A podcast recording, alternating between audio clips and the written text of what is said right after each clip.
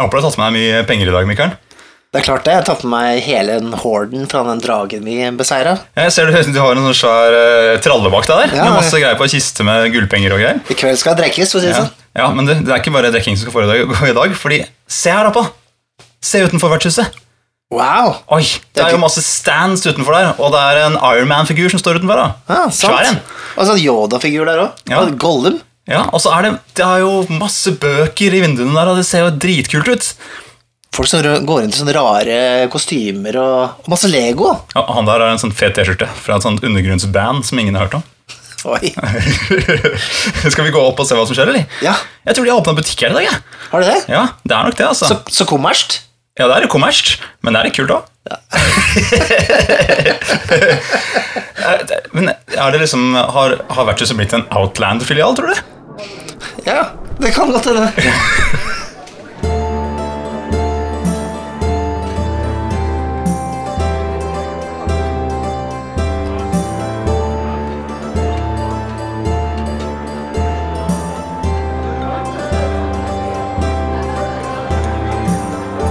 Oi, wow!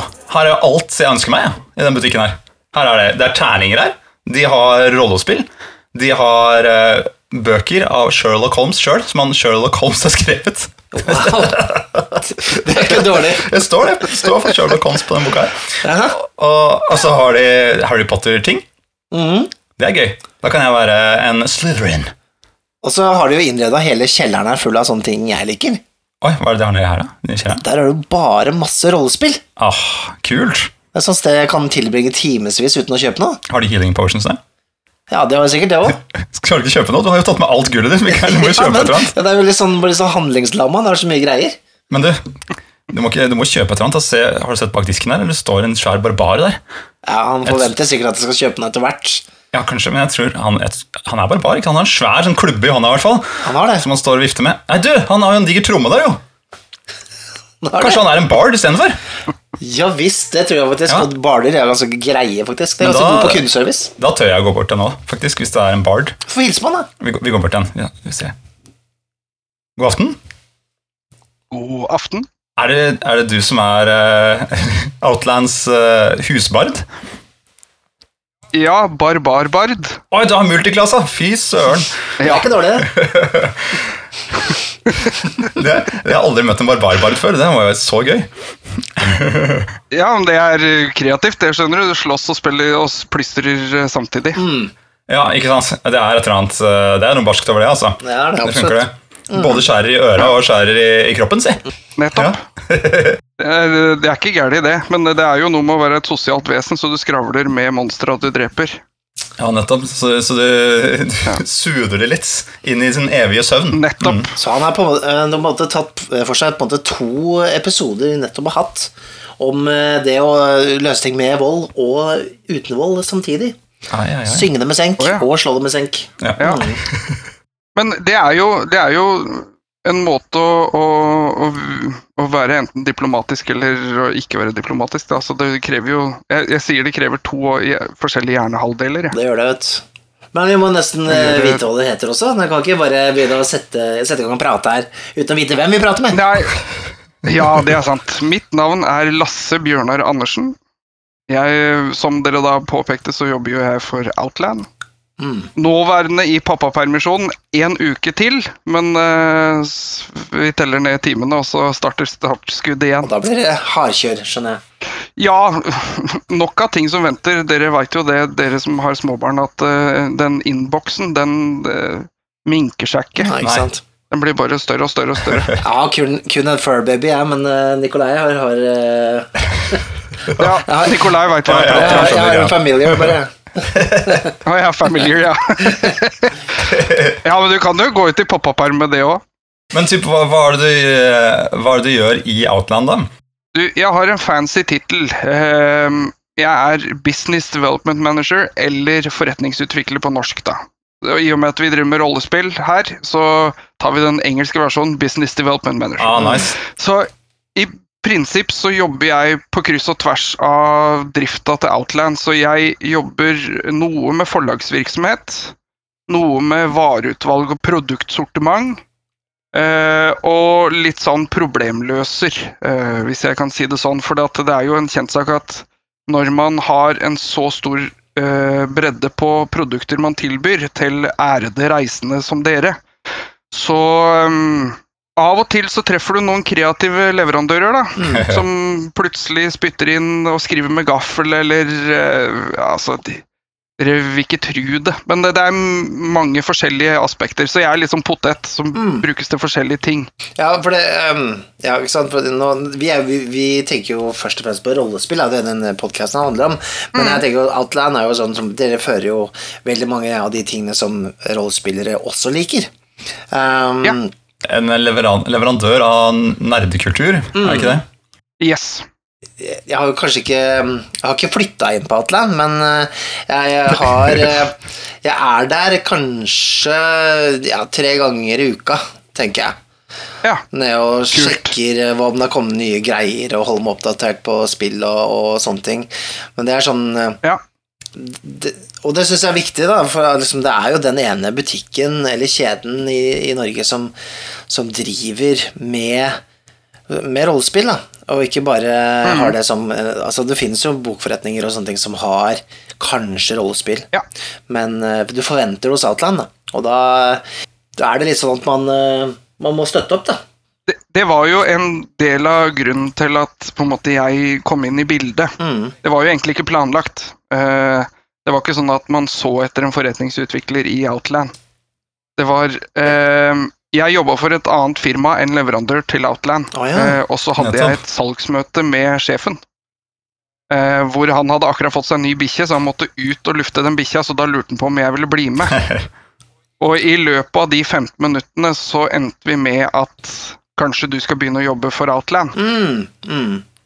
Og eh, litt sånn eh, flåste sagt, men min styrke ligger i å, å kommunisere med mennesker. Mm. Mm. Så når det gjelder sånn problemløsning og den biten, så handler jo også det om å få tak i nye leverandører Ja. til nye rollespill. Mm. Mm. Så jeg håper du har lagt merke til at vi ut, begynte å utvide sortimentet allerede i mars-april. Altså, Yep. For det var et eh, helt bevisst valg. Ja, jeg, jeg merka det veldig godt, faktisk, eh, i forhold til tidligere. Det skjedde jo et eller annet med DOD5, da. ikke sant? Da kom det jo mer rollespill igjen. Eh, men eh, ja, spesielt nå i de siste par månedene så har det jo skutt veldig inn at det er, bedre utvalg enn før, da, på det, det, de, de øvrige spillene. Det definitivt. Man ser jo også at brettspillprodusenter begynner å nærme seg inn mot rollespill. Mm. Så Kids on Bikes, for eksempel, som det vet dere hadde første episode av nå for ikke så veldig lenge siden. Det er jo sånn eh, det er et klassisk eksempel på et veldig etablert se- spillselskap Mm.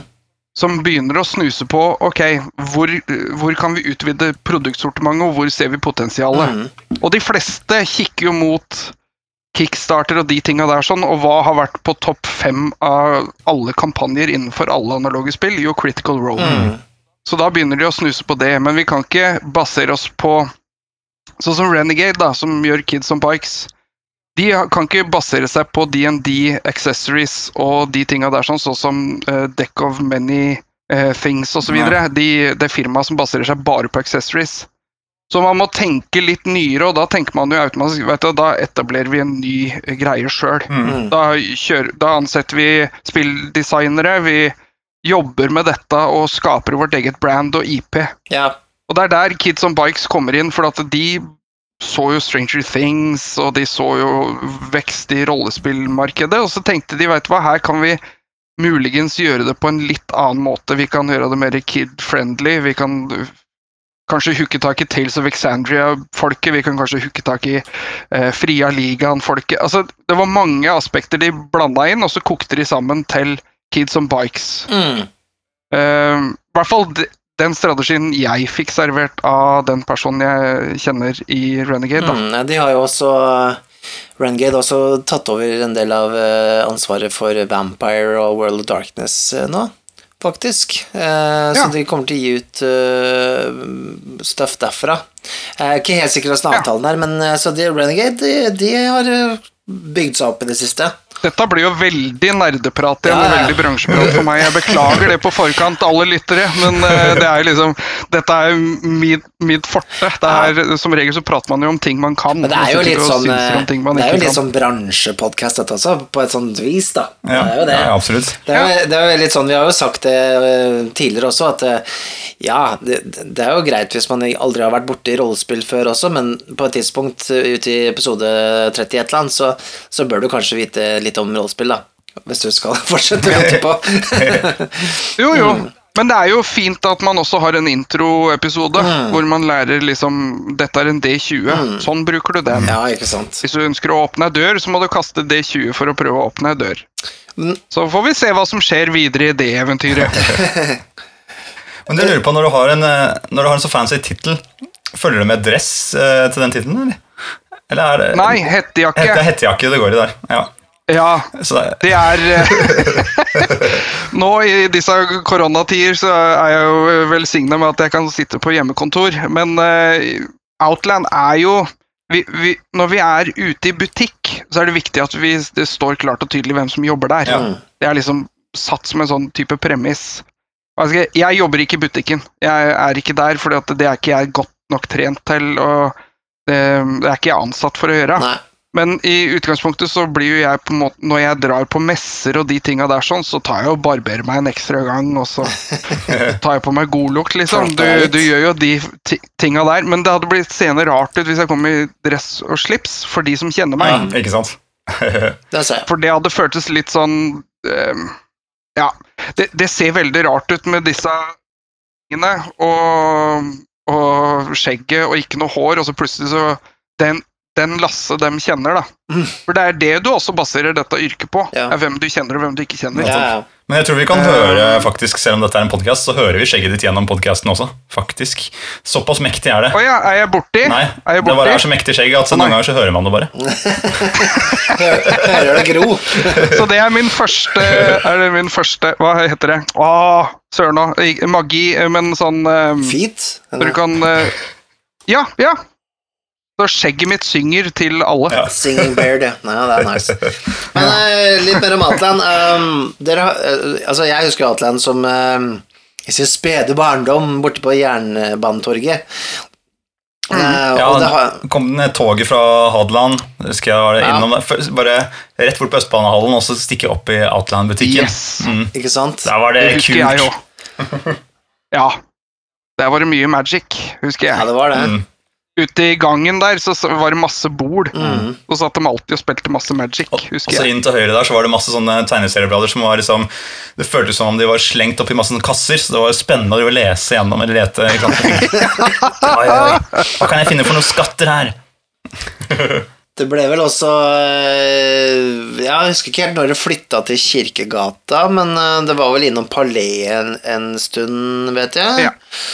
Og så var det Kirkegata etter det, og så nå har det da blitt en, eh, en større greie. Nå har det jo blitt en kjede. Ja. Så vi har jo etablert oss uh, i eh, Ja, jeg kan jo ramse opp alle butikkene, da. Porsgrunn, Kristiansand, Hamar, Fredrikstad, Stavanger, Bergen, Trondheim. Mm. Eh, nå har jeg sikkert glemt en. Har jeg det? Og Oslo. Jeg har sikkert glemt det! Det er så dårlig! Det, det er så sinnssykt dårlig. Hvis jeg har glemt en butikk, da beklager jeg. Men det, får, det, får eh, det er ja. såpass mange. Men eh, ja, det er jo det er Hamar, en- sa du det? Hamar har en butikk, ja. Mm. På ja, jeg sa Hamar. ja, det var nok innom alle, altså. Det er en fin, fin liten butikk, det. Den har redda meg, den eh, på lille julaften hjemme i Hamar. Men, men har dere flere filialer i Oslo nå, eller er det kun én i Oslo nå? Det er kun én i Oslo. Mm. Eh, men det som er litt interessant nå, eh, vi kommer til å flytte. Å, gjør dere det? Det visste jeg ikke. Ja, så det er litt eh, morsomt. Men i utgangspunktet eh, så flytter vi fra Kirkegata til grensen til eh, der Intersport er. Ja, ja, ok. Den ja. nedgangen, det er en Ja. Intersport som har vært der i Grensen. 25 år. Mm. Jeg hadde håpet du Ja. skulle si Akershus festning, men, eh, men det funker det over grensen. Ja, vi får eh, 1000 kvadrat. Ai, wow. Så det blir serveringssted, det blir liveutstyr, altså LAIV-utstyr. Det blir eh, japansk mat. Ja, så kult. Kommer rollespill endelig opp av kjelleren da, eller? Ja, ja, det er ikke noe kjeller. Alt det er er jo alt på ett plan. Det er godt å høre. Så det er jo eh, Og der får vi en egen vegg til alle Whiskids-figurene. Mm. Nice. Og det da, da prater vi om helt fra sesong én Whiskids, liksom. Vi kommer til å fylle mange kvadratmeter med Whiskids. Oi, oi, oi. Da, jeg, da, da blir det enda flere besøk i uka. Da. Det blir jo skummelt, det der. Ja. Mm. Ja, men det, det, blir vanvittig fett. Eh, Vi sitter med planene nå, alt er signert og sånt. nå. Ja, men Det høres veldig spennende ut. du. Um, det har jo vært eh, vanskelig å drive butikk nå i 2020. Vil jeg tro. og- Ja. For veldig mange, i hvert fall. Men så har jeg vært Ja. eh, Jeg har stått utenfor Outland-jula og stått i lang kø for å komme inn for å kjøpe julegaver. Så jeg tenker at Ja. Outland er jo kanskje en av de stedene som det har gått nesten best med under koronatiden. Kan det stemme? Helt riktig. Helt Oi. riktig. Eh, det, er, det henger sammen med flere ting. Det er liksom flere faktorer som spiller inn her. Det ene er at aktivitetene som vi selger, altså produktene vi selger, det finner seg til rette når man blir satt i karantene Mm. som familie. Så det at man setter seg ned og leser en bok, det at man setter seg ned og spiller et spill med familien, det at man setter seg ned og eh, tenker at nå skal jeg pusse opp, nå skal jeg bytte ut det jeg har i monterglasset mitt bak her, det jeg har i hylla. Eh, du har mye mer tid til å surfe på ting på internett Mm. eh, enn det du hadde før, for at eh, sånn er vi som mennesker. Mm. Eh, Og da kikker du på hva slags nye figurer er som kommet inn. Eh, spillskaperne har skjønt dette her mye tydeligere, og de har pusha på mye mer i forhold til å gi ut ting. Mm. Så det har blitt en økning i antall utgitte rollespill og spill Mm. generelt i løpet av denne perioden. Så jeg tror de faktoren der sånn, i tillegg til at Outland er kjent for å ha veldig mye på lager Ja. de har veldig mange forskjellige ting, så når du kommer inn og regner deg sjøl som en konnoissør eh, av rollespill, da, så vil du fortsatt bli litt overraska når du kommer inn, for at oi, dette har jeg ikke sett før. Mm. Så det er ikke, du kjører ikke bare milk and butter-varene, men du kjører litt sånn feinschmecker og litt sånn ting som du ikke ville ha trodd at man hadde framme i en butikk. Ikke sant? Ja, det er gøy. Og det, og, Hvis det gir mening. ja, jeg skjønner jo, eh, hva du mener. Men er det sånn at alle disse tingene også finnes i nettbutikken? Det samme som man har i Ja, Mm. det skal det. Så det har sikkert, eh, sikkert vært mye handling der òg. Tenker jeg noen eh, sene kvelder når man har sittet i karantene og trenger et påfyll med noen nerdestæsj. Ja, det er helt klart. Og det uten sånn øh, Nå sitter jeg ikke med tall eller noe som helst, men det vi på en måte har sett økninga mest, er spill, tegneserier og effekter. Mm. Altså effekter, merchandise, de tinga der sånn. Mm. Så eh, eh, badekåpe, eh, dørmatte, kaffekopper, alt mulig sånt nå har økt vanvittig Mm. eh, nå i koronatidene. Eh, Jeg veit ikke hvorfor. Jeg vet, skjønner ikke hva man skal for noe med flere dørmatter, men sånn er nå det, da. Det er liksom, mange dører. You shall not pass. Altså, rollespillere har veldig mange dører ikke sant? som de må gjennom og diskutere og sånt. Da står de Aha, der henger det sammen. Ja, ja, ja. Jeg har den der eh, You Shall Not Pass-dørmatta, så den Gjør seg den. Ja, du har den, ja. Den har, den har vi solgt mye av, altså. Og så har du ja, sånne flere sånn Yoda-quotes Mm. på dørmattene. Jeg liker jo best en T-skjorte som det står Yoda. Nei da, så. Oh my god. Ja, ja. Men du, jeg lurer på en ting, for du sa jo at eh, det- da folk er mer produktive, folk sitter hjemme, de skriver nye rollespill, de lager nye spill, Ja. og da får dere sikkert inn mange forespørsler eller mange titler. Da, da lurer jeg på det som, hvordan velger du eller dere ut hvordan man skal da pushe og fronte disse tingene, eller hva man skal eh, satse på? Det er en rekke med faktorer. Det ene det starter med 'har vi hørt om dette før'? Ja. eh, Veldig banalt. Mm. Eh, Men det handler jo om at eh, er det et rollespill som vi blir pitcha av en kunde som sier 'kan dere ikke ta inn dette her', Um, og man ikke har hørt om det før, og man ja, sjekker rundt nå er, det, nå er vi heldigvis i Outland så er vi så velsigna at vi har svinedyktige folk. Grisedyktige. Alt med dyredyktige folk. Um, I alle butikkene, så når vi sender ut en mailtråd til alle rollespillansvarlige i butikkene, hva er Lex Occulta? Occulto?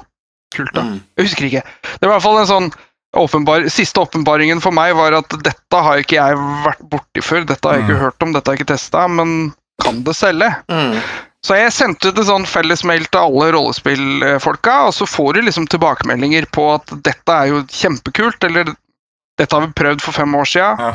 Vi kan godt prøve igjen, men jeg er ikke sikker på om det, vi skal ta inn en pall, Nei, liksom. nettopp. Mm. Ehm, og så er det magefølelse. Jeg skal ikke si at jeg er noe sånn ser inn i krystallkula og sier at jeg veit alt som kommer til å selge. Det er bare Noen ganger så er det flaks, og andre ganger så er det litt sånn Du ser at det kommer til å selge. Mm. Du ser at designet, uh, pitchen du blir s- s- sendt til altså for at Noen ganger så er det faktisk sånn at disse her forlaga de pitcher ting til oss. Så man ser det på um, Fagspråket kalles USP. Så det er Unique Sales Points. Det er Ja. hva er det som Hva er det du som kunde eh, Hva er det jeg kan pitche deg i løpet av fem sekunder? Ikke sant? Mm. Elevator pitchen. Uh, Yes, akkurat. USP. Så uh, noen ganger så ser man det veldig klart og tydelig, og det, hvis Renegade gir ut noe, da bare for å referere til noe vi prata om tidligere, Mm. hvis dem gir ut noe, så veit jeg A. Jeg kan få gode betingelser. B. Sannsynligvis så kommer det til å se bra ut. Mm. Og C. Det, det kommer til å være kvalitetssikra, sånn at uh, hvis noen velger å ikke like det spillet, så er det basert på sine egne preferanser, og ikke at det er et ræva spill. Ikke sant? Sånn sett. Det er litt interessant det poenget der, når du sier det, at, at ting skal se bra ut og sånne ting. Og jeg, jeg, jeg var veldig hissig i Twitter-tråden. Nå var det en eh, fyr der som eh, påstod at eh, kunst ikke hadde noe å si for rollespill. Han driver ikke butikk, med Nei, andre ord. er nettopp det. Han fikk jo passe påskrevet, da. Eh, Men han kommer fra den Um, gamle skolen med at uh, grafikk er på en måte sånn sett egentlig Altså Hvis du skal se på svart-hvitt, så er det jo teksten og reglene som lager spillet. Men eh, så klart, yes. han fikk jo hele Twitter mot seg, så eh, jeg forstår jo det. Men Ja. du, vil Ja. du vil da si at, eh, at eh, kunst og layout og alt sånne ting er Det er alfa og omega, altså? Jeg, jeg har en diskusjon, eller ikke diskusjon, jeg og samboeren min er veldig enige om dette her, men um, ser dere på noe sånn oppussingsprogram? Uh, ja. Dere Minst to? mulig. Ja, jeg men, ser mye på det. eh, jeg, har, jeg har sett den derre Move that bus! Å ja, ja, ja. Ok, det er bare Det, er sånn er midlertidig fiks. Det er ikke sånn jeg tenker på. Men eh, hvis man ser på de oppussingsprogramma, så ser man ofte at folka eh, underveis de greier ikke å visualisere hvordan det kommer til å bli seende ut. Mm. De bare sier 'herregud, har de ikke kommet lenger i oppussinga'? Så linker jeg det mot et uh, type rollespill. Så når uh, man åpner opp ei bok Vi alle trenger visuelle hjelpemidler til å få ting til å gi mening for oss. Mm. Så i et hus så trenger man hvite vegger. Da øker du prisen på huset med en eneste gang. Mm. Kommer du med en sånn statement-vegg som er lilla, så er det ikke alle som kommer til å like det. Det er samme med rollespillbok. Har du en lilla cover med ehm, eh, My Little Pony, så vil du automatisk få vekk halvparten av folka, men du vil få veldig dedikerte til den lilla veggen, Mm, eller mm. Tales of Exandria-folket. Mm. Og det er litt det samme her sånn nå. Så når du eh, ser på rollespill, i hvert fall jeg, da som, jeg, Det er ikke det at jeg mangler fantasi eller jeg ikke greier å lese, det er ikke det, men det er alltid deilig å få litt del i psyken til de som har skrevet reglene og de som har laga spillet. Mm. Altså hvilke hvor- er det vi sett eh, Se på Itras by, da. Mm. Det norske herlige spillet. Mm. Se på hvordan eh, Hadde det bare vært tekst, og ikke Tore Hansen-tegninger, så hadde ikke det spillet gitt like mening for meg. Nei. Nei, det er sant, det. jeg kunne jo ikke vært mer enig. Det er jo, du skaper jo Når du, når du lager et verk, da, sånn som et rollespill er, så skaper du en verden, og kunsten som er med, Yes. eh, og designet på det, er like stor del av den verden som selve spillet. Fordi du, du skaper en atmosfære eh, når du sitter og leser det. Se på eh, Tales from the Loop. Mm. Simon Stålhage. Eh, han gir jo ut Han har jo utstillinger og gir ut egne bøker på arten Ja. Som han opprinnelig lagde til et rollespill. Mm. Fordi at det da har en egen sånn liten sånn nisje, sånn klikk. Og vi selger jo masse av de bøkene òg. Ja, ja. Bare, bare bildene. Ikke sant? Ja, for Tales, Tales from the Loop det er vel der eh, det er litt sånn uh, type Things. 80-tallsnostalgi nostalgi øh, og litt sånn robotgreier og sånt nå, som har uh, kommet inn i en vanlig verden, eller en Sånn apokalypseverden. 80-talls hverdagsrealisme blanda med, med litt sånn fremtidsretro-futurisme. Og det er et vanvittig fett spill. Mm. Eh, Sånn rollespillmessig så er det en Ja. Det, noe av det diggeste sessions jeg har hatt, er med det. Og det spiller Altså, jeg er egentlig DND svoren fan, men eh, Mm. plutselig kom Frialigaen inn fra høyre, og så testa jeg det, og så bare Wow! Jeg kan jo spørre litt om det òg, for dette er jo et eh, spørsmål jeg har skrevet ned, i hvert fall. Er, um, når det gjelder rollespill og, og hvor mye dere selger av det og sånne ting, jeg- jeg kan jo ikke få direkte tall av deg, men jeg, jeg tenkte mer sånn Hvor stor andel er det som er DOD i forhold til alle de andre spillene? Hmm. Regner du terning... Hva, hvor legger du terninger oppi dette? Ja, sånn, ja. Spillematter, figurer Ja, ja, For det er ikke Mm. Ja, ikke sant? Um, Alt det Folk bruker som figurene til Pathfinder Hvis, hvis jeg putter accessories til side, og Ja. så ser vi bare Se på bare regelbøker, så vil jeg si 80-20. Det er det, ja. Uh, ish. Mm. Ja, fordi at Players Handbook, Monster Manual, alle disse her, pluss Pathfinder For jeg putter Pathfinder innunder det samme. Okay. Eh, Det er sikkert å banne i kjerka, men jeg gjør det. For at Ja, det- det går greit for hadde ikke Ja, Paizo hadde ikke eksistert hvis det ikke hadde vært for DND. Så, Det er sant. så enkelt er det. Men da sier vi 8-20. Mm. Eh, men det kan godt eh, jeg, Så du sier altså det du sier er 70-30. Ja, ikke sant. Men det er, det er overveldende uh, mye mer, da, når det gjelder det og det. Men vi har jo sett pga. Critical Role, jeg gjentar meg sjøl her, men Critical Role gjorde at dette ble allmenneie, Mm. og at jeg er ikke Nå kommer jeg til å høre så sinnssykt mannssjåvinist, men det var tidligere en veldig sånn mannedrivig aktivitet. Ja. Uh, gutta krutt sitter rundt bordet og spiller, så det var ikke veldig Det, det er jo laga og skulle være tilgjengelig for jenter òg, Mm. men det var liksom aldri en sånn inngang. Så Stranger Things og Critical Role gjorde at Å ja, det er flere av oss som liker rollespill. Mm. Uh, og det er flere av oss av hen osv. som også blir involvert i dette her. Og så begynner man med gender neutral eh, utgaver av spill. Altså, alle blir inkludert. Mm. Det, er ikke noen, det er ikke sånn som det var tidligere, hvor du gikk ned i en svettefylt uh, kjeller og satt med Demogorgon og, og ja. Alle har Ikke, sett ikke si Stranger hva vi drømmer. Ikke si, ikke si høyt hva vi drømmer. Ikke si høyt hva vi drømmer. Nei, jeg synes jo det, det er jo sånn Inkludering er jo nesten stikkord på, på sånne DND i dag, Ja. jeg. Og det starta i 2016-2017, så starta den revolusjonen Jeg kaller det en revolusjon fordi at uh, et eller annet skjedde. ja.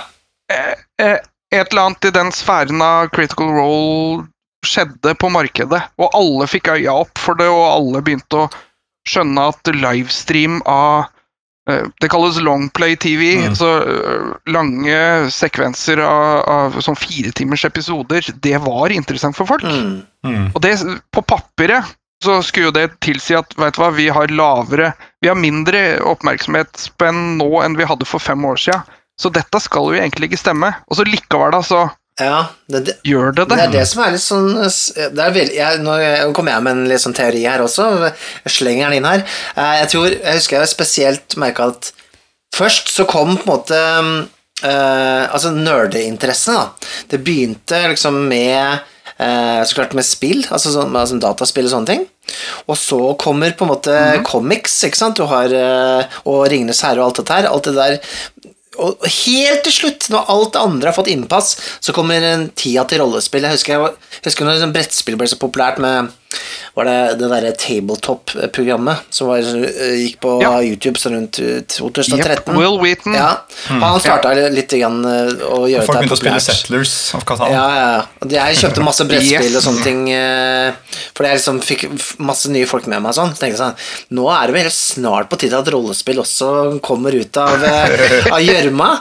Var du han ene kjipe som kom med regelbok og sånn kan vi, kan vi prøve dette i dag, eller? Nei, har- nei, men jeg hadde faktisk en sånn egen spillklubb ja, rundt den tiden der. Jeg hadde en sånn spillsalong hvor vi spilte brettspill, og så spilte vi rollespill. Og så inviterte jeg gjerne brettspillerne med til å spille rollespill også, for å få dem litt inn Du er en recruiter, Mikael. Jeg er en recruiter. Er det?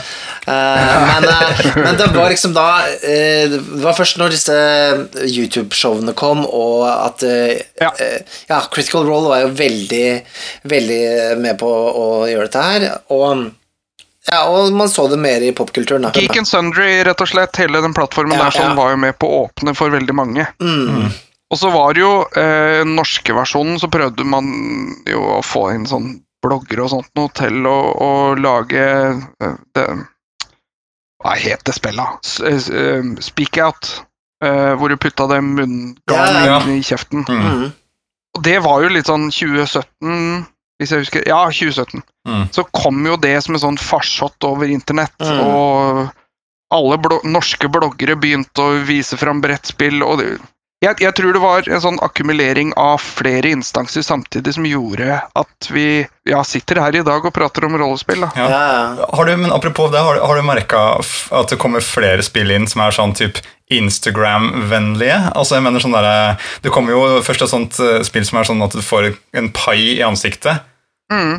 Ikke sant? Som er sånn der, Det ble en sånn hit. Men det er, og så samme, kommer- det er samme spillskaperen som eh, Slide Nei, eh, Speak Out. Ja, eh, som har kommet med Ja. Så i prinsippet nei, men kanskje det har blitt mer mainstream, sånn at det, ARK har begynt å ta inn mer av det. Mm. Eh, og så har norske aktører, eh, flere andre forlag, har skjønt at vet du hva, selskapsspill eller leker er det gode penger i. Mm. Så da tar vi lisensen av det, og så lager vi vår egen eh, ja, politisk ukorrekt. Det er jo et perfekt perfekt eksempel på Cards Against Humanity igjen, eh, som er sånn open IP, så du kan bare det, Vi kan sette oss ned og så lage et Cards Against Humanity-spill, Ja. men så lenge vi ikke tjener penger på det, så er det fint. Mm. For begynner du å tjene penger på det, så er det ikke lov. Å nei, ok. Å, okay. ok. Mhm. Det er det mange som ikke veit. Så i prinsippet så kan man ikke basere seg på den svarte og hvite designet og sånt for fordi det Creative Common Law heter det. Men likte du den svarte og hvite? Det er veldig nerdete. Unnskyld. Du trenger ikke å unnskylde deg for Ja, det nerde her. Slutt med det! Nei, nei, nei. Men uh, i utgangspunktet så har jeg merka det, ja. Uh, uh, det er jo ikke noe påfallende, det henger jo sammen med hele bølgen nå. Mm. At vi ser stadig vekk økning i salg, både tall og produkter, i forhold til rollespill, brettspill, eh, analoge leiker Mm. generelt. Sjakk har jo økt. Eh, analoge aktiviteter, da, som ikke krever at eh, Og så går det- og så står det med Hefnataffel-salget. Knefataffel? Hefnataffel. Ja, det Going strong, kan jeg si. Det er. Det- og min makker har hvert vårt eh, sett. Ja, Å ja, dere har det. jeg ble sterkt i nedfortaffel om dagen, altså, skal jeg si. Tar det frem for å kose meg. Eh, tilbake til rollespill. da. Er det sånn at eh, Ja. eh, Kan man fortsatt spille rollespill på Outland nå som dere har færre filialer? For Jeg husker at vi spilte eh, på den som var i Storgata en periode, i hvert fall. Adventures League Ja. eh, er jo sånn oppsett for DND, som er laga av Wizards of the Coast. Eh, vi kan jo ikke noe pga. plass nå. Eh, I Oslo, i hvert fall. Eh, Kristiansand har plass. Mm. Eh, nå er jo ikke noe lov pga. covid, Ja. men i utgangspunktet er det flere av butikkene som har åpen Adventures League og satt av dag til akkurat den type ting. Og det er ikke viktig at du spiller DND. Fifth edition, det, du kan liksom godt møte opp med Starfinder eller Mm. uh, Tales of Exandria. Mm. Så, lenge du, så lenge du er der. Og så veit jeg at i Kristiansand så serverte de vafler og, og kaffe og brus, liksom. Mm. Det, folk koser seg. Det er vel kanskje det som er det viktigste. At uh, det, Du skal ikke være ekskludert nå. Du skal liksom kose deg. Mm. Nei, jeg husker det var jo opplegg for dette her når dere hadde butikk i Storgata uh, i Oslo også, med hele den andre etasjen. Mm. Der var det jo litt uflaks med trikkeutbygging og mye annet rart, skjønte jeg, så Og så kommer alt, alt på en gang. Uh, Ja. Hva er som fremtiden for Outland uh, nå fremover? Er det, ja, du snakket jo litt om det tidligere. Som, er det noen andre, andre planer? Ja. Uh, noe av stillingen min er å jobbe med forlagsvirksomhet. eh, og det betyr at vi kommer til å gi ut mye mer ting på norsk og nordiske språk. Mm.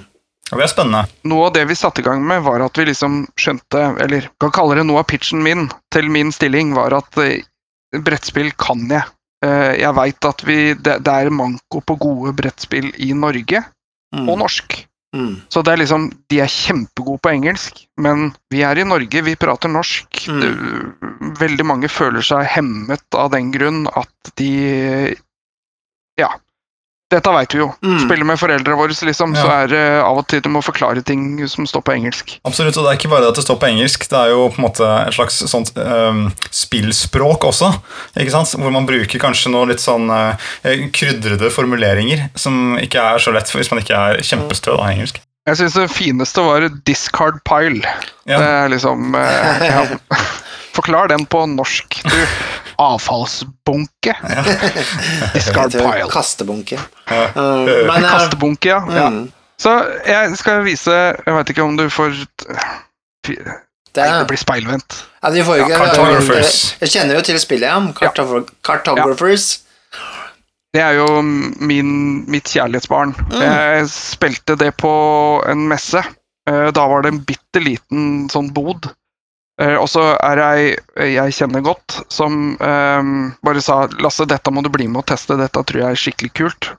Jeg var ikke sånn supersolgt, så jeg testa det én gang. Mm. Og så tenkte jeg ikke noe mer over det, for at jeg jobba for et annet selskap, så jeg kunne ikke på en måte gjøre noe med det. Jeg kunne teste det og synes det var fett eller ikke. Og så begynte jeg å jobbe for Outland, og så tenkte jeg Hvis du har liksom sånn um, cherry-pick av hvilke titler du kunne tenke deg Mm. å gjøre på norsk, Mm. så var Cartographers var liksom ja, nummer to. Mm. Uh, nummer én kommer ut til høsten, uh, og den er Ja, det kommer til å bli fett. Ok. Uh, jeg kan ikke si for mye om det. Nei, nei, nei. Ja, men det Involverer det terninger? Eh, nei, men det er en app. Åh, spennende. Oi. Men ja, Cartographers er jeg ekstremt glad i. Og det er jeg som har gjort oversettelsen. Så hvis dere har noe å klage på der, så får dere klage til meg. Jeg har, jeg, har ikke, jeg har faktisk ikke kjøpt Cartographers, men jeg har kjøpt eh, Chronicles of Crime. Og det har dere også gitt ut. Ja, fett! Det, det, Ja, det har vi også Jeg har kommet ut. gjennom eh, Eller jeg og eh, min samboer har kommet oss gjennom to av eventyrene, i hvert fall. Og vi, første sleit vi litt med, faktisk, men den andre så gikk det ganske bra. Å ja. Da klarte vi å finne Men jeg håper sånn språkflyt og sånt, at det stemte, for Ja, det, ja. det var, det var um, Vi satte noen sånne punkter som skulle være gjeldende for Outland Forlag sin brettspillavdeling. Mhm. det, det gjelder egentlig hele Outland Forlag, men det var liksom sånn Hva, hva skal vi være bra på? Mm. Hva skal vi gjøre bedre enn de andre forlagene? Og det ene var språkflyt. Altså, dette vet jo dere òg. Mm. Du åpner Ticket to Ride eller Dixit, og jeg har spilt spillet, så jeg burde jo forstå dette, men jeg leser regelboka og skjønner ikke en dritt. Mm. Oh, ja. Eh, fordi at det er en oversetter som har sittet og oversatt uten å faktisk spille spillet. Ja, ikke sant. Ja, jeg kjenner igjen den. Mm. Og da mister man litt sånn motet. Det er jo et fett spill, hvorfor kan ikke jeg bare nyte det og bare forstå det med en gang? Så vi har satt liksom litt ekstra ressurser inn i å, å rettskrive og korrekturlese. Mm. Eh, vi velger også titler som Det skriker ikke til deg fra hylla, men du har lyst til å se hva det er for noe. Ja. Sånn design med, som vi nevnte tidligere, at Ja. det er viktig. Og Mhm. det siste er at gjenspillbarhet. Altså, kjøper du et spill til 400-500 kroner, så skal du søren meg kunne nyte det mer enn én gang. Ja, ja, ja. Ja, absolutt. Det skal være verdt penga. Mm. Og det er det jo med en gang man har spilt det tre ganger. Ja, det er jo det. Det, hvis du Nettopp. sammenligner med en kinofilm, liksom. Ja, eller, eller et eh, dataspill, da. For, Mm. Som Ja, ja. koster 600 kroner, og så har du runda det, så er det ikke nødvendigvis at du tar opp igjen det med det første. Um, Med mindre det er Theme Hospital, da. Ja, ja. Som jeg tar opp hvert eneste ja, år. Ro- Rollercoaster Tycoon, eh, eller et eller annet sånt. Oh, ja, er det din, ja? Nei, det er ikke min, det er ikke, det er ikke min men jeg vet at folk eh, spiller det fortsatt. Liksom. Så, Ja. eh, Ja, ja, jeg spiller Team Hospital fortsatt. ja, det er bra. Det er bra. Jeg husker det. Eh, For meg så er det faktisk eh, Street Fighter, men det Å ja. Street Fighter 2. Har du Arkade Jeg kjøpte Jeg fikk tak i en sånn der, um, Super Nintendo-maskin, så da er det jo helt bankers. Jeg har ikke Arkade-versjonen. så nettopp. nydelig. Men så ble jeg grusa av dama mi. da, så- Eller dama mi. Kona mi, heter det kanskje. Kan si dama. Det er å freshe det litt opp da, vet du, nå i disse Ja, koronatider. ja, ja. ja, da bytter vi på litt med de navnene. Holder det friskt. Ja, ja. så Det er sant, det. Zombies. Ja, men Det er kult. Det det var jo et eh, spørsmål fra Patron som handla litt om det der hva, hva dere satser på og sånne ting, så vi kan egentlig bare fortsette der. Han hadde noen flere spørsmål som vi kan ta litt senere. Ja, for vi har jo fått inn faktisk spørsmål fra Patrion-gruppa vår, rett og slett. De Ja. som støtter oss på Patrion. De har eh, skrevet Ja. inn eh, De hørte at vi skulle snakke med Outland, og da hadde de noen spennende ting de lurte på. Kan vi ikke ta en Ja, fra Vi kan ta litt spørsmål derfra med en gang. ja. Eh, da Kjør. har vi jo da egentlig, Det har vi jo egentlig sneia ganske bra innom. eh, hva dere som forlag da satser på. Og eh, satser dere mest på oversatte utgivelser? Ser dere på muligheten til å utgi unike norskutviklede spill? Altså både på Både rollespill på og og, og, og rollespill. Her er kickeren. Så i prinsippet så blir jeg pitcha mellom 200 til 400 spill hvert eneste år. Oi. Mm. Eh, og jeg, har prøv, jeg setter min stolthet litt bak det at jeg faktisk prøvespiller spillet, så jeg ikke ser bare på boksen og sier nei, tull, det driter jeg i. Mm. Uh, men problemet ofte når man blir pitcha sånt nå, så skal man som forlag så skal man uh, gjøre designet. Man skal utarbeide hvor, hvilken type eske. Man skal se på designet til regelboka. Man, altså, jeg har enda til gode å bli pitcha et ferdig produkt, en prototyp, Mm. hvor den forklarer meg heispitchen. Mm. Det gjør du utenlands. Så når uh, en spillskaper fra Canada tar kontakt med meg, så har han prototypen. Sånn fungerer spillet. Her Mm. har du regelboka. Uh, hva tror du? Ja, du spiller, uh, du spiller enhjørninger på vei over havet, på en måte. Sånn, der kommer Yes. elevator pitchen med en gang. Og det er ikke forkleinelse for nordmenn generelt. Dette gjelder veldig mange. Så hvis man er Du, du har kun 24 timer i døgnet. Så er du familiefar, så skjønner jeg jo det at du ikke har tid til å utarbeide dette, og du heller men på en måte tror ikke du nok på produktet ditt til at du faktisk har putta penger inn i det, så tror Mm. ikke jeg nok på det heller. Nei. Da skal det være en eksepsjonelt god idé som jeg kicker på med eneste gang. Mm. Det er et luksusproblem, jeg er fullt klar over det, og jeg skulle gjerne ønske at vi satsa mer på egne norske ting, men eh, du må jo på et eller annet tidspunkt være litt brutalt ærlig. Eh, og så må du si at vet du hva, det du foreslår nå, det er egentlig bare en idé, inntil jeg legger 100 000 på bordet og sier at dette skal vi produsere og gjøre Mm. bra. Ja. Men da er det jeg som legger 100 for din idé. Eh, Mm. kan ikke du legge halvparten på bordet, da? Så kan jeg legge halvparten, og så sier vi oss Det er litt strengt, men når du blir pitcha så mange typer spill i løpet av et år, Mm.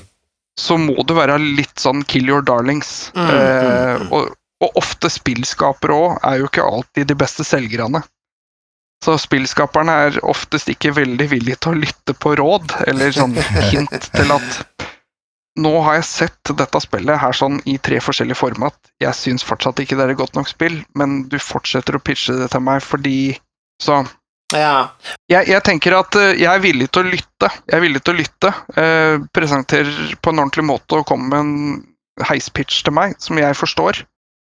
Så er jeg all on board, jeg. Men Mm.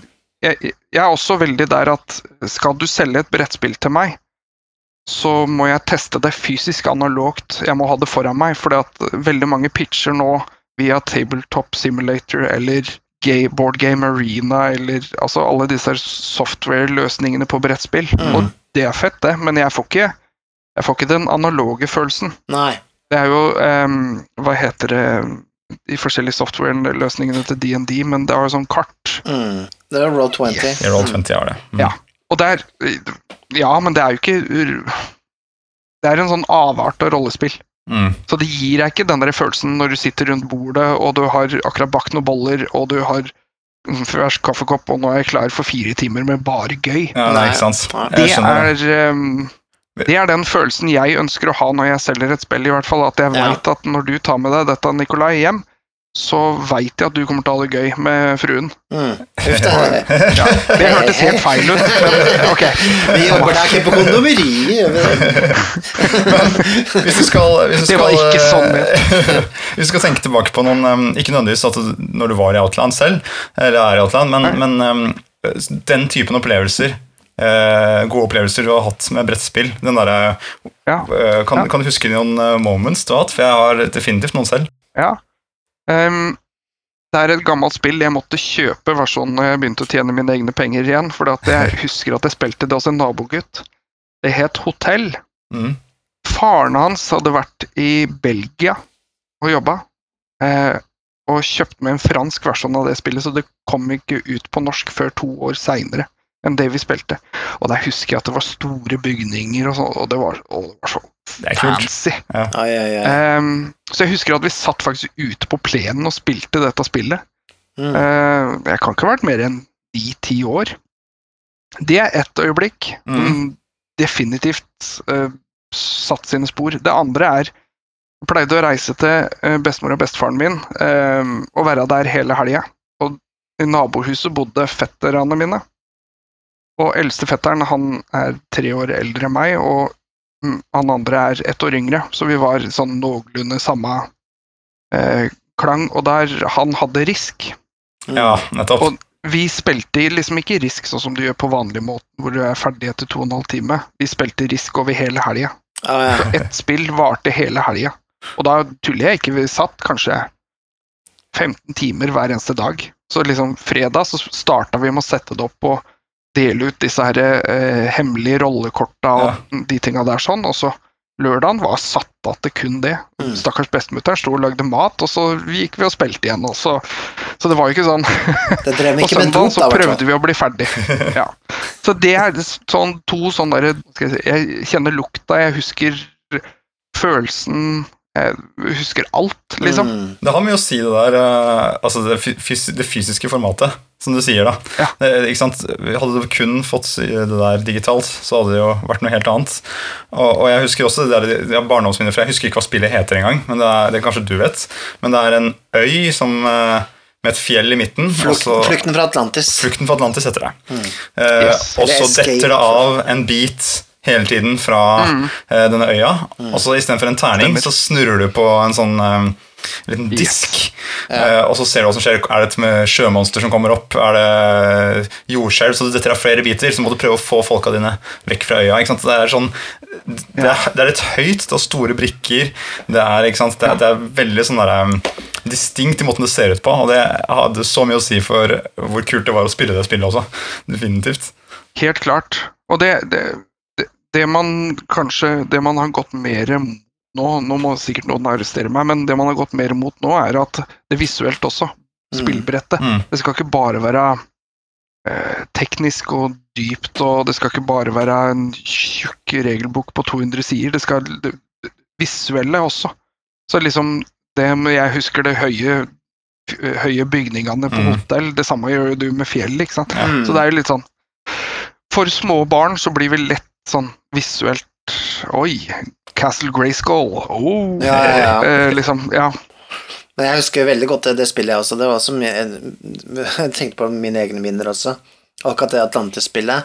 Det var egentlig det som gjorde at jeg skjønte at brettspill kunne være noe mer, og som fora min interesse for det også som barn. da. Eh, For, for jeg spilte Monopol en gang, og hata det.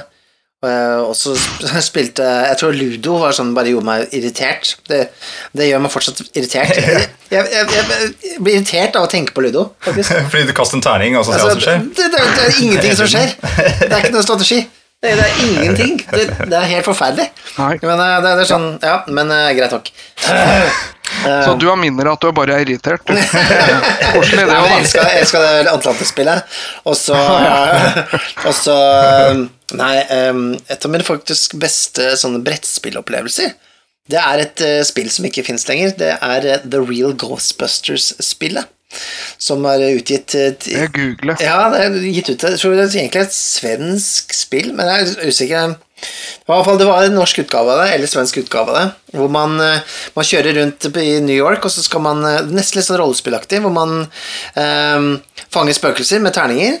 Og så, og så må man fylle opp fellene sine og levere dem tilbake, og så får man penger til å kjøpe nytt utstyr og sånne ting. Da. Så det var veldig sånn eh, jeg, jeg var veldig stor fan av Ghostbusters da jeg var liten, så det var jo sånn det, det, Den satt jo. Ja, det, det var På min ferd mot rollespill var det jo blant annet de tinga der, da. Men eh, det, jeg fant spillet her. Ja, ja. Det, det er morsomt. Kan ikke, det, kan ikke alt er forlaget forlag gi ut det der? Mikael, bare for din skyld. Nei, nei, vi får ikke så mye forespørsler på sånn eh, å reutgi ting, eh, faktisk. Eh, det eneste på en måte vi tok tak i umiddelbart, var jo Itras by. Mm. Nettopp pga. Eh, Ole Peder. Eh, det er en, et aspekt at jeg bare skrev til ham Du bor i Drammen, jeg jobber i Drammen. Kan ikke bare ta et møte? Mm. Ehm, og det andre var at det var sånn veldig uklart hvordan Itras by hadde gjort salgsmessig, så det var ingen som ga meg en Jeg tror vi solgte det. Jeg Mm. tror ikke vi solgte det. Eh, og så sier Ole Peder at eh, nei, det forlaget hadde ikke gjort en god nok jobb, eh, osv. Så, videre, og så, videre. så det var veldig mange uklare aspekter bak business-sida av det. Ja, ja. At det er et bra spill, er jo given, men eh, et bra spill holder ikke lenger. Du må liksom Mm. så uh, når vi da valgte å reutgi det, så valgte vi også å freshe det opp. Vi valgte å, å Han ene som jobber i forlaget, han er ekspert. Han er liksom, han er utdanna i å pynte ting. Så Mm. han pynta denne boka veldig bra. Og så kortstokken ja, Ja, det liksom, ser veldig pent ut, så må jeg si det. Uh, Nyutgivelsen av Mm. Itras by. Ja. Det, det er veldig fint. Det er mitt, eh, på en måte minst nødvendige kjøp, for jeg hadde boka fra før av, men jeg, jeg kjøpte den eh, på nytt. Men det er veldig mange som har gjort det, for mm. de, de skjønner at Én, man kjenner kanskje gutta som har skrevet det, men en annet aspekt er også at dette er jo limited edition, eh, special Mm. edition. Mm. Eh, det, det er i hvert fall Vi putta, putta nok penger i å utvikle allerede produktet. Så Mm. vi putta nok penger i å pynte på boka osv. Mm. Mm. Ja, den er veldig fin. Det er klart, når jeg, når jeg faktisk holdt den i hånda og satt den ved siden av den gamle, så, så er det jo bedre Det er jo bedre produkt denne gangen. Det er bedre papir, det er bedre ja. fremside og Altså, den, det, det kjennes mer proff ut sånn sett, da. Mm. Um, Enig. og så har jeg endelig fått kort, da, for det, det har jeg jo etterlyst i Ja, siden 2008, så uh, Ja, det, det, det var jo også noe av det jeg Det var jo noe av det første jeg lurte på mm. eh, når vi satte oss ned. Hva er det Accessories? Hvor er mersalget? Ja, ikke sant? For jeg ser jo alltid etter det. Eh, Jeg hadde aldri spilt spillet før, før Mm. jeg tok møte. Jeg bare hadde hørt om Itras by, og så kjente jeg, kjente jeg bare at det var sånn um, Uttrykket er low hanging fruit. Mm. Hvor han bor i Drammen, jeg Ja. jobber i Drammen, vi tar en kaffekopp. Og så så jeg Han viste meg boka og forklarte litt aspekter rundt, og så kjente jeg igjen tegningene fra Jeg gikk på barneskolen, så Ruffen, kanskje? lånte jeg de bøkene i Skogliv. ah, skog, ja, Skogland. Og jeg elska de bøkene! Skogland. Hohoho. Ja. Det gjorde jeg òg. Mm. Og jeg kjente igjen tegningen og tenkte jøss, dette var jo fett. Mm. Eh, og så pitcha han meg det, og så Hvor er mersalget? Og så sa han kort. Ja. Så sa jeg supert, da gjør vi det. Og nå er det gjort. Og nå kan du kjøpe det på er det Outland. Og da Ja. Ja, nå kan du kjøpe det på Og det står jo masse av de rundt oss her inne på vertshuset òg, så det er jo helt perfekt. Og, og da, da har jeg litt spørsmål til deg. Uh, fordi at jeg Ja. har nemlig et problem. Jeg har et stort problem. At når jeg går innom eh, Outland, og så skal jeg kjøpe meg et spill fra f.eks. Fria Ligaen, så er det sånn Ok, jeg må ha grunnboka. Og så må jeg jo ha Game Master Screen, og så må jeg ha de spesialterningene. Gjerne ett uh, sett til hver spiller jeg har potensielt tenkt å ha i gruppa. Og så må jeg ha uh, sikkert også sånne ferdigtrykte character sheets, for jeg bare må ha det. Det er, det er viktig, Ja. dette, altså. Hvor viktig er det med disse accessoriesene til spillene egentlig for tiden? Eller har, har, det, har det veldig mye å si? Jeg personlig elsker jo duppedingser. Mm. Jeg elsker alt av accessories. Men det handler jo om hvem jeg er som person. Mm. Eh, Jeg vet om andre som hater forskjellige terninger. Mm. Jeg har altfor mye terninger. Oh. Eh, Bare Ja. Preaching har- to the choir! Ja, too much. Jeg har eh, flere forskjellige dice trays eh, ut fra hvilket humør jeg er i. Jeg har eh, kopp Sånn eh, Hva heter det sånn eh, Bordbrikker eh, ut fra hvilken class jeg er. Så jeg har bard, jeg har barbarian, jeg har Um, Du trenger jo bare de to, siden du er en bard barbarian, tross alt. Ja, men, ja, men det er så, det møtte jeg som er sjukere i huet enn meg. Altså, jeg tror det det er bra. Bordbrikker? Nei, Jeg, er ble intrigued. Jeg bare, å, det fins bordbrikker også? Nå ble jeg litt sånn hmm, Jeg må nok inn på Ja, internett etterpå. Og så har jeg, har jeg egne diceboxer ut fra hvem, hvem jeg spiller sammen med. Um, Og så er jeg så heldig at i jobben min så av og til så får jeg smaksprøver av terninger òg. Mm. Jeg får liksom eh, fra nye produsenter og sånt nå, så jeg har jo Jeg må jo ærlig innrømme at jeg har av og til bedt om Kan ikke jeg få et ekstra par av den, da? Oi, oi, oi. Vet de hva de, vet hva de driver med? De har jo putta terninger rett i blodårene dine her. Ja, det er nettopp det. Men eh, eh, Og for meg så, Jeg bare liker å flashe. Eh, Det er liksom eh, Ja. Ja. Det, er, det er jo, får man jo muligheten til òg, man kan, er, jeg syns det er gøy å indulge i det der. Og det er jo fint å kunne dra et sted hvor man kan gjøre det òg. Men nå har jo du, og nå, eh, Lasse, du har jo uforvarende svart på faktisk en god del av spørsmålene som vi hadde fra Patrion. Mm. Patreon. Så Øyvind Stengrunne, du, der fikk du sikkert svar på et par av de. Andre spørsmålene dine også, i samme slengen. Men Mm. Vi har um, også fått noen andre spørsmål fra Patreon som vi har lyst til å, å slenge oss innom Ja, ja. Hvis vi har det her. Lasse. Ja, Så har vi da en fra Carl Otto her, og så er det Han spør eh, Følger dere med på det yrende norske spillskapermiljøet? Eh, når Rollespillalliansen utlyste midler til utvikling av et rollespill, var det veldig mange spennende prosjektbeskrivelser. Så jeg lurer på liksom eh, eh, Titter dere aktivt etter det, eller er det, venter dere på en måte på pitches? Jeg venter på pitches. Eh, det, men det handler litt sånn uh, Time management, kalles det. jeg, jeg har ikke tid til å, å gå ut og fysisk oppsøke folk. Nei. Uh, og fysisk jeg, Ideer er kun ideer inntil man gjør noe med det, var det en sånn gründerkar som fortalte meg en gang. Ja. Uh, og da starta jeg min egen nettbutikk kort etter det, for da skjønte jeg at ideen min er enten så er den god, eller så er den ikke god. Mm. Ehm, og det er litt det samme med spill. For min del, eh, der jeg er, så har ikke jeg tid til å oppsøke og eh, Jeg skulle gjerne hatt det. Mm. Altså, herregud, det er jo ønskesituasjonen at jeg faktisk har tid til å oppsøke spillskapere og, og, og få, få feedback på de tinga Mm. jeg lurer på. da. Mm. Kan ikke dere lage et spill om dette her? Kan ikke dere gjøre dette? Mm. Mm. Men jeg er ikke der, eh, fordi at Vi har kikka på kalenderen. De utgis av våre le nåværende leverandører, så utgis det 30-35 spill hver eneste uke hele året. Mm. Av de leverandørene vi har nå som er innenfor rollespill og brettspill, og det er ganske mange, Ja. så skal man holde huet over vannet der sånn, så må man bruke tid på det. Ja. Og da er det litt sånn, skal jeg, skal jeg jobbe med de etablerte handelskanalene, eller skal jeg leite etter nye inntektskilder? Og det er jo en ja, ikke sant. Ikke sant? Så det er litt sånn der, du, Når du har uh, på en måte, masse mapper på pulten din allerede, Mm. så er det ikke noe vits å gå ut døra. Nei, eh, og så har vel jeg eh, mine preferanser på hva jeg liker. Jeg veit jo at Fria Ligaen-folka de gir ut ting som gir mening. Så når de gjorde Wondering nå, og gjorde, eh, tvika på reglene og, og kjørte i gang denne kickstarter-kampanjen som fortsatt går, eller er akkurat avsluttet ja, mm. Uansett. Så, så gir det mening for meg, for at de så et potensial som ikke ble utnytta av den forrige, leveren, forrige produsenten. Jeg husker ikke hvem som gjorde det. Cubicle opprinnelig, men- 7. Mm. Stemmer. Eh, altså, da følger jeg svenskene, jeg. Mm. Eh, selv om de tapte i skisprinten, eller eh, tapte i dag. De taper eh, ikke så følger jeg svenskene det. Nei, det er, svenskene er eh, noen jævler der, altså, på Og, og, det, og det var jo veldig sånn uh, It's a given for me. Aliens òg. Mm. Altså, det var jo opprinnelig et spillsystem som var laga på 90-tallet. Ja, jeg har det Det som PDF-er. forferdelig. Det er forferdelig dårlig spill. Ja, ja. Det, det Den derre at du snur deg, og så må du trekke av fem poeng Jeg husker ikke helt, men det var sånn Bare går det an?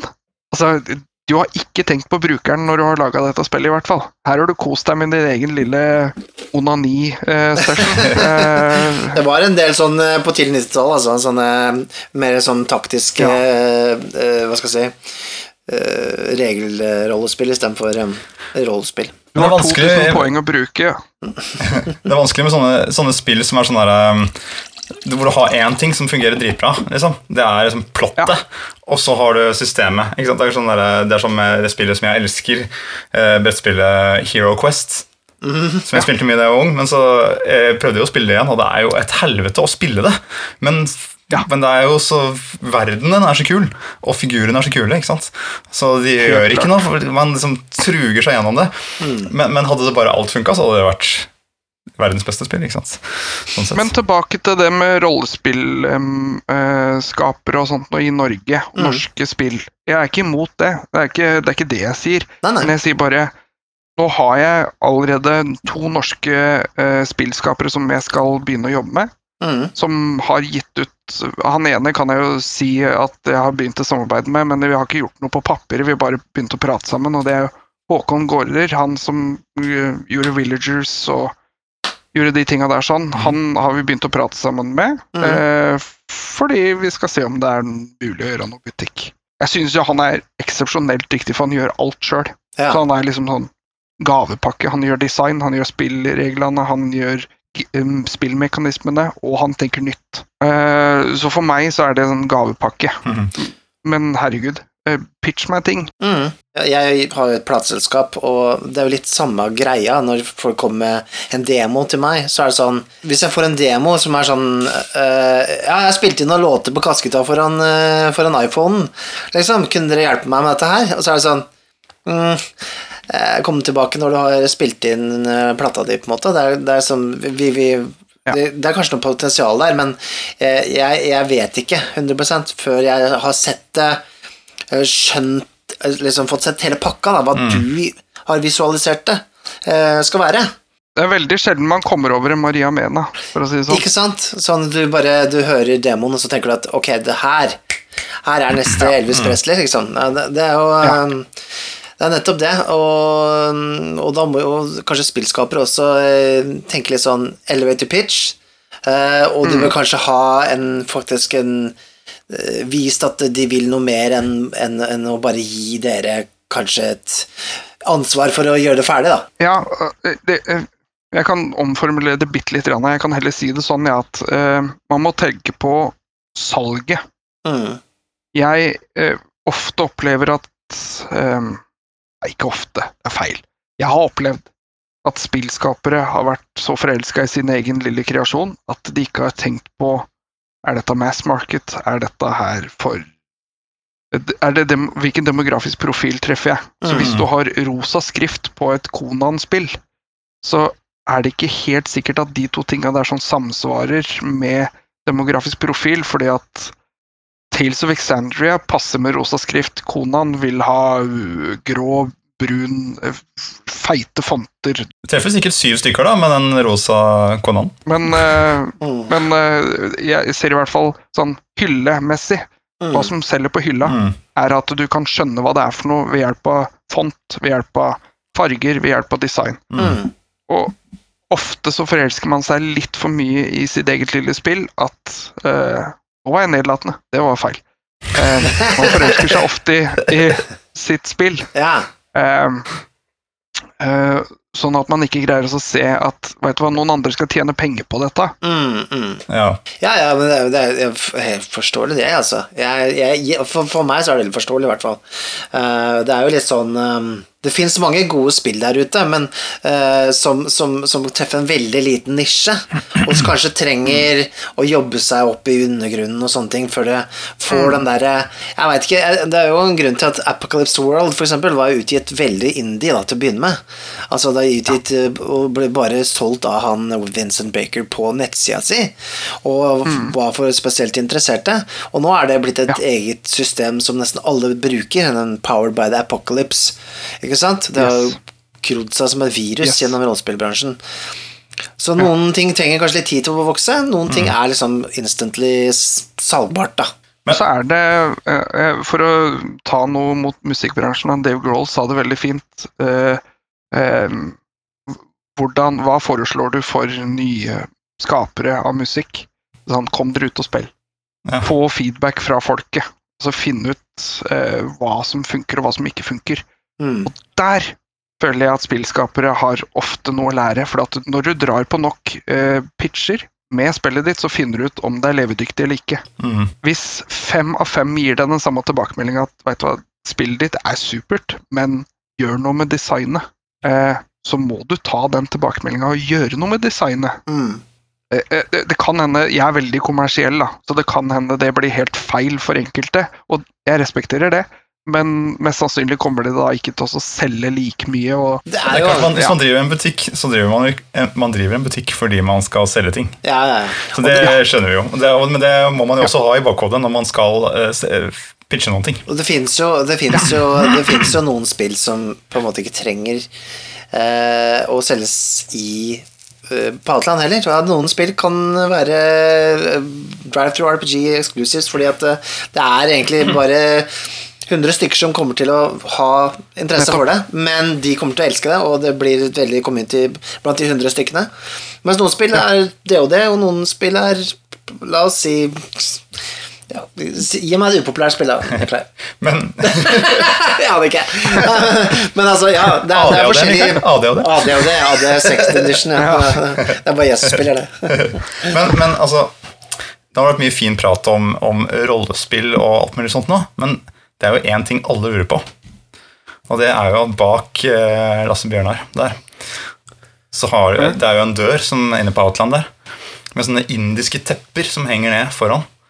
Og det er sånn, Jeg ser bak der at det er sånn nydelig lys og røkelse og sånt innover der. Og jeg har alltid lurt så jævlig på hva er det som er bak de gardinene. liksom? Hva er det dere har gjemt bak der? ja, si det, du. Kan vi gå og se, eller? Ja. Hører dere så malende lyd? Å, shit. Må vi, ha, må, vi gjøre noe, må vi gjøre noe spesielt før vi går inn der, eller? Eh, Prøv å ikke se skremmende ut, eh, er vel det jeg Ok, Si, ok. Det er veldig vanskelig for meg. Mm -hmm. ja, si- sier du at dette kanskje er Det er kanskje Det er kanskje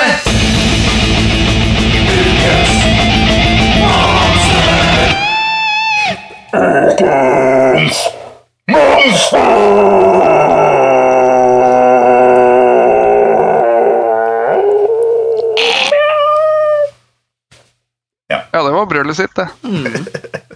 Du burde, du, burde, du burde booke inn han som uh, growler på neste utgivelsen din. Uh. Det skal jeg gjøre, faktisk. ja. Spøk til side. Ukens monster uh, fikk jeg æren av å presentere, og det første som falt ned i huet på meg, var Rakshasa. Oh shit, det har jeg hørt om. Eh, det, det er et hindu-monster. Mm. Eh, rett og slett så er de ofte kalt for man-eaters. Å, jeg kjenner et par sånne. Ja. um, og så er det Jeg må nesten finne fram uh, info her. Nei, det er juks, det er juks. Ja, men jeg kom bare på navnet. Jeg husker jeg ser, den de stå, har- jeg ser den stå innerst i lokalet der. Er det den, som, er det den der Ja. som har menneskekropp, men tigerhode? Yes. Jeg tror jeg husker disse. Rakshasha, er det den heter? Hva, eh, eh, Rakshasa. Rakshasa. Jeg husker eh, Jeg tror det spillet Quest for Glory 2, som er et sånn eh, gammelt Sierra-spill. Der, eh, der er det en sånn eh, katte kattemennesker. Og det tror jeg er sa. Rakshasa, kanskje.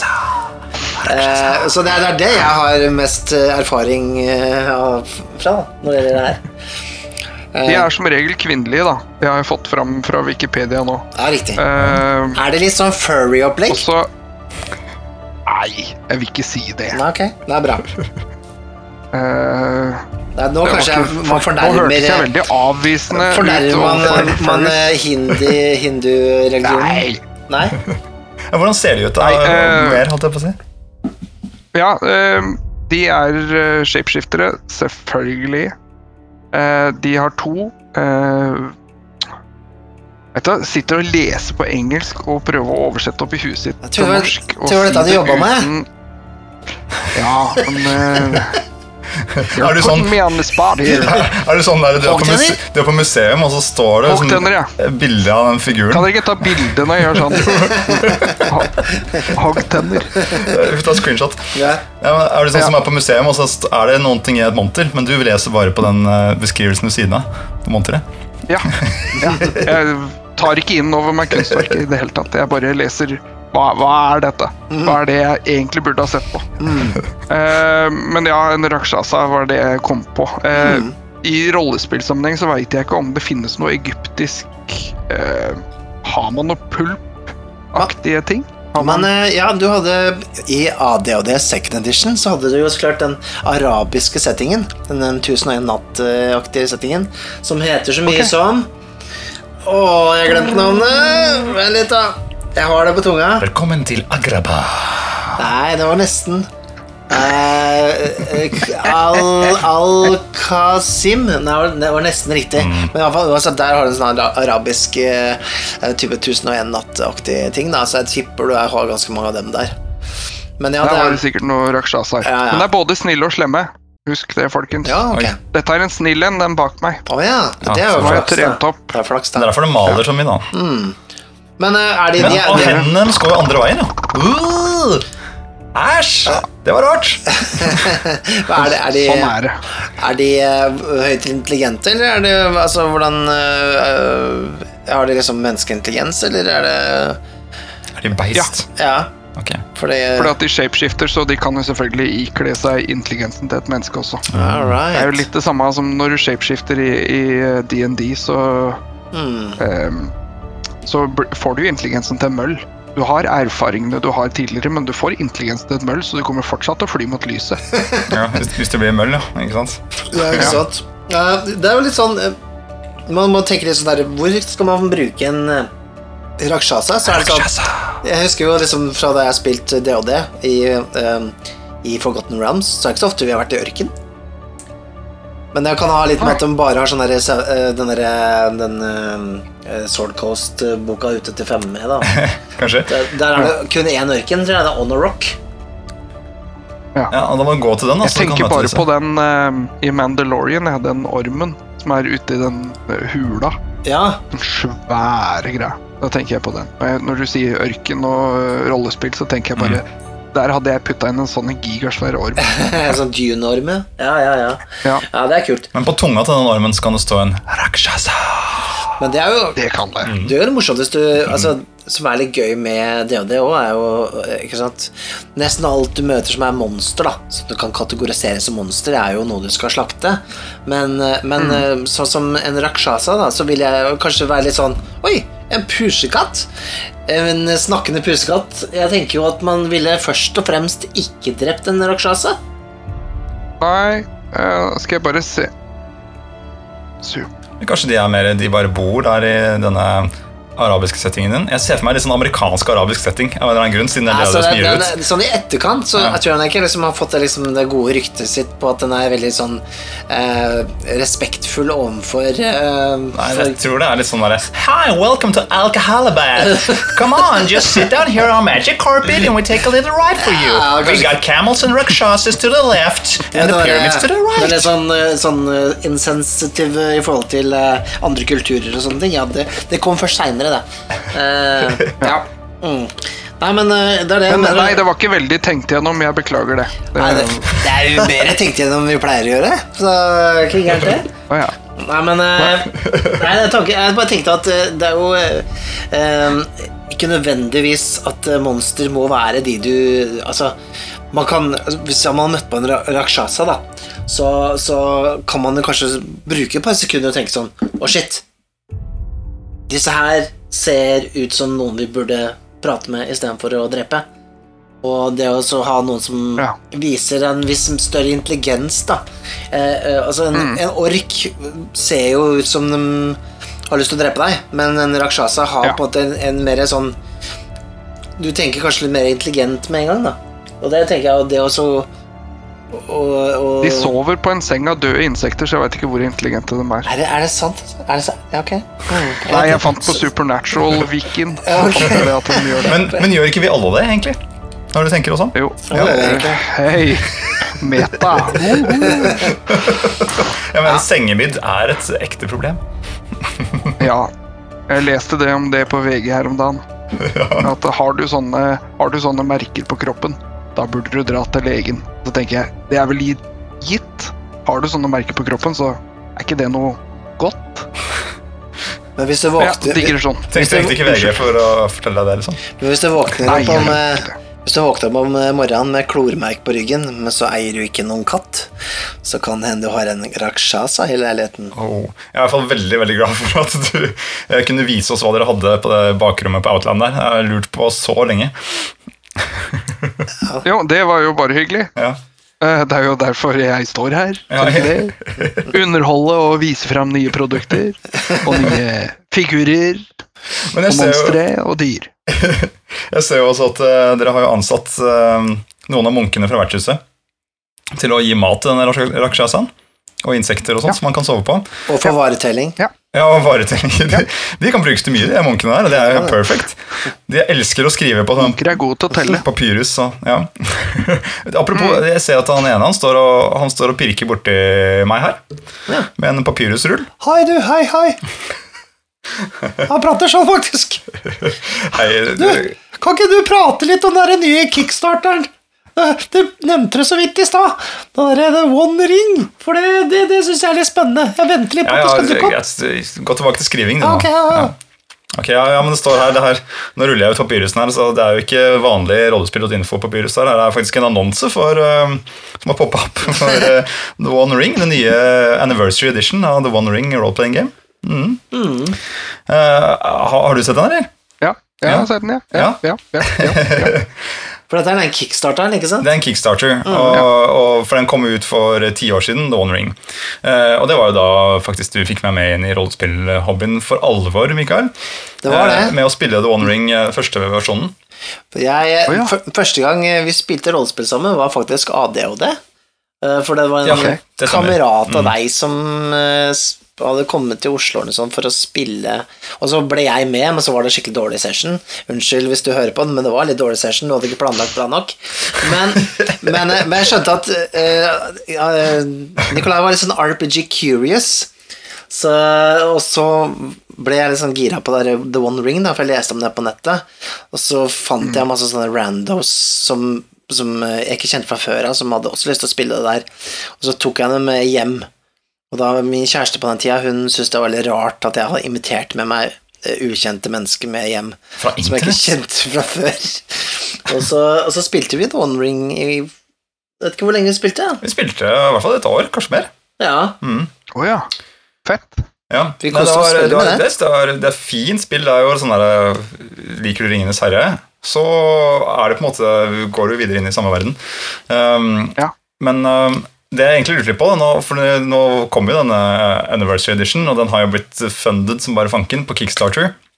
Og sånn, Når du, Lasse, liksom ser sånne ting popper opp, uh, hva tenker liksom Outland da? Er det sånn at de bare uh, slenger seg på og bestiller en uh, pall, eller hva, hvordan funker det? Det, nok en gang, det er Jeg kunne sikkert ha svart ja eller nei på det spørsmålet der, sånn, men um, det, er, det er flere faktorer. ellers så hadde jeg jo ikke fungerte i jobben min. Men um, hovedsakelig så ser vi jo potensialet. Man ser på historikk. Man ser også hva er det som er gjort annerledes. Er det bare packaging, eller er det revamping av reglene? Er det Jeg veit jo f.eks. at Cubicle 7 har slitt med um, ja, Nå kommer de sikkert litt til å arrestere meg, men de har hatt ræva regelskrivere. Mm. Og det har de hatt over mange år. Det har vært sånn sjøldyrking og 'nå koser vi oss nå'. nå. Så du treffer aldri helt Enten så treffer du en veldig snevert eh, brukergruppe, eller så Mm. bommer du helt på målskiva og er på en annen planet. Mm. Pun intended. Uh, når Fria Ligaen gjør noe sånt nå Jeg kjenner jo flere av de karene. Mm. Uh, så jeg veit jo også hva de tenker. Og de har alltid, alltid uh, en kommersiell kommersielt hue i utviklinga. Så Mm. når de tar tak i en IP som OneRing og sier at dette kan vi gjøre bedre, gutter, eh, så har de også en tanke bak at du hva, ikke bare fordi at vi er fri av ligaen, så kommer vi til å selge for Jeg veit ikke hva KS-kampanjen er på nå, ja, men 10 millioner, da Ganske for mye. å ta et tall. Mm. Så veit jo jeg også at de eh, ser at retail-markedet også har et potensial, fordi at vi nå gjorde en kickstarter-kampanje på 10 millioner. Mm, mm. Og da gir det mening, men om det er verdt tre paller, eh, det tror jeg ikke. Men kanskje en pall? Mm. Jeg veit ikke. Eh, jeg har ikke spilt den nye revampen, og jeg har ikke lest for mye, for at jeg har vært i pappaperm. Og Er det én ting jeg har lært at jeg aldri kommer til å si til noen andre, er 'kos deg i pappaperm'. For at det er mer sliten nå enn når jeg jobba. Så I heard Nei, that. eh, ja. ja, men uh, jeg må se på reglene, og så Mm. tar jeg en prat med Thomas, uh, som jobber i Frialigaen, og så Mm. Mm. Og så er det jo presentasjon, uh, liksom. Noen er kjempedårlige fordi at de har kjempedårlige deadlines til alle utgivelser, så de bare sender ut en mail bare sånn Ja, dette er det nye spillet vi har. Her har du bilde. Her har du sånn package sånn, med forskjellige screenshots av noen som spiller og det ser kjempefett ut. Ja. Og her er reglene, og her er USB-ene. Eh, så koster det meg veldig lite å bare si at vi tar inn fem av det, vi tar inn ti av det. Mm. Eh, men så har du One Ring, da, med Fria Ligaen, eh, som allerede sluttbrukermarkedet er nådd. Fordi at kickstarter-kampanjen er tilgjengelig for alle. Mm. Det er et godt poeng. Så det betyr jo at eh, vi må se også på potensialet. Ja. Mm. Er det Er markedet nådd med ti millioner? Hvor mange av det er i Norden? Ja, det er mange Mm. tanker som dukker opp samtidig, men Mm. det, første, det første jeg hadde gjort, er å ta kontakt med Thomas og høre eh, når jeg er tilbake på jobb, da. Og høre med en Hva skjer? Hvor er salgstallene? Hvor ser dere at det bærer en? Og så, ikke minst, det er jo ikke produsert ennå, så vi veit jo ikke noe ETA. Nei, ikke sant. Det jo jeg, jeg, Du kan kanskje ikke klage over uh, Cubicle 7 så veldig mye, eh, sånn personlig, men det kan jeg. Um, så oh, ja. jeg kjøpte meg The One Ring-boka når det kom ut, Uh, og det jeg har sjelden møtt på en bok med så mange skrivefeil. Altså Eh, første um, versjonen, tenker du? Første versjonen, ja. Ja. Så det var litt sånn spill jeg måtte like litt på tross av mye ting som irriterte meg.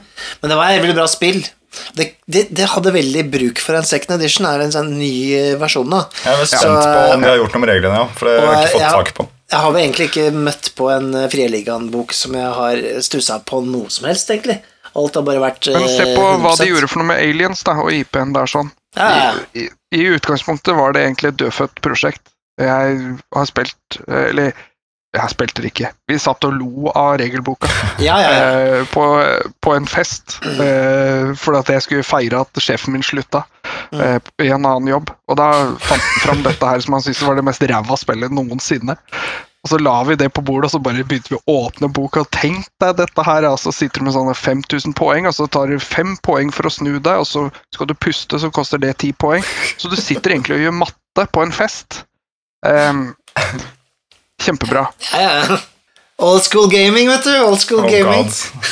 Ja, og da var det litt sånn Når Fria Ligaen tok tak i det, så sa de vet du hva, vi elsker konseptet med det derre fra eneren, altså Alien. Alle sammen husker den følelsen du får når du ser Alien-filmen. Mm. Mm. Det er et eller annet det samme med Motorsagmassakren òg. Det er et eller annet med den feelingen du har når du så den filmen første gangen. Uansett hvor creepy den var, Mm. Så var det Mm. bare et eller annet magisk. Et eller annet sånn derre Ja, jeg kan fortsatt føle den smaken jeg har av det popkornet jeg spiste når jeg så Alien-filmen første gangen. Ja, ikke ja, ja. Og det er det samme de søkte etter når de uh, revampa reglene til Alien. Og det er det samme sikkert de gjør med One Ring, at de kommer nok til å sikte seg mer inn på uh, Hobbiten og den feelingen og den musikken. Jeg tipper de også lager en Spotify-liste. Jeg tipper de kommer til å gjøre dette her mye bedre. Mm. De ser potensialet, og så gjør de det bedre. Mm. Eh, nå høres det ut som jeg fronter veldig Fria Ligaen. Jeg elsker uh, Vi, vi alle elsker Frieligaen. Det er som, du finner, jeg har ennå ikke møtt på noen som, som er imot. Så det er sånn, jeg, jeg tror jeg nevnte det på discorden her om dagen, sånn de kan jo liksom ikke gjøre noe feil. Det er enda ikke tråkke i bare. Så jeg tenker eh, Nei, friliggende. Altså. Mødifus, Kaosium eh, Jeg måtte bare finne fra meg Evil Hat, Green Ronin, eh, Talsorian Altså, alle disse produsentene er sånn, er sånn utrolig dyktige produsenter, men de har hver sine styrke. mm. Hver sin styrke, og, og svenskene skjønner nok det norske markedet mye mer enn Artesorian med Jeg husker Mm. ikke hvilke IP-er han har, men eh, Cyberpunk og Witcher. Yes.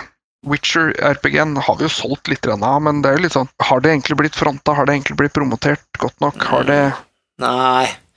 Nei, men det, det er så Da har jo R. Solian ligget brakk i 20 år eller noe sånt, da. Sånn egentlig. Det er jo det er først når, eh, når, eh, når uh, Cyberpunk ble planlagt, planlagt, hvor, hvor han Mike Pondsmith virka som han begynte å røre på seg igjen. Så det, det er jo litt Ja. Det er å dra en gammel, gammel pensjonist ut av uh, pensjonisttilværelsen din, det er snakk om. Bedre å dra en Men uh, han ansatte riktige folk òg, da. Ja, ja, sønnen sin, ja. Ja, ja. ja det. Men han skjønner jo butikk, da. Ikke sant? Nei, jeg, jeg, er vurderer å plukke opp uh, Sarpunk, uh, nye Sarpunk. Det virker veldig bra. Det er jo spennende.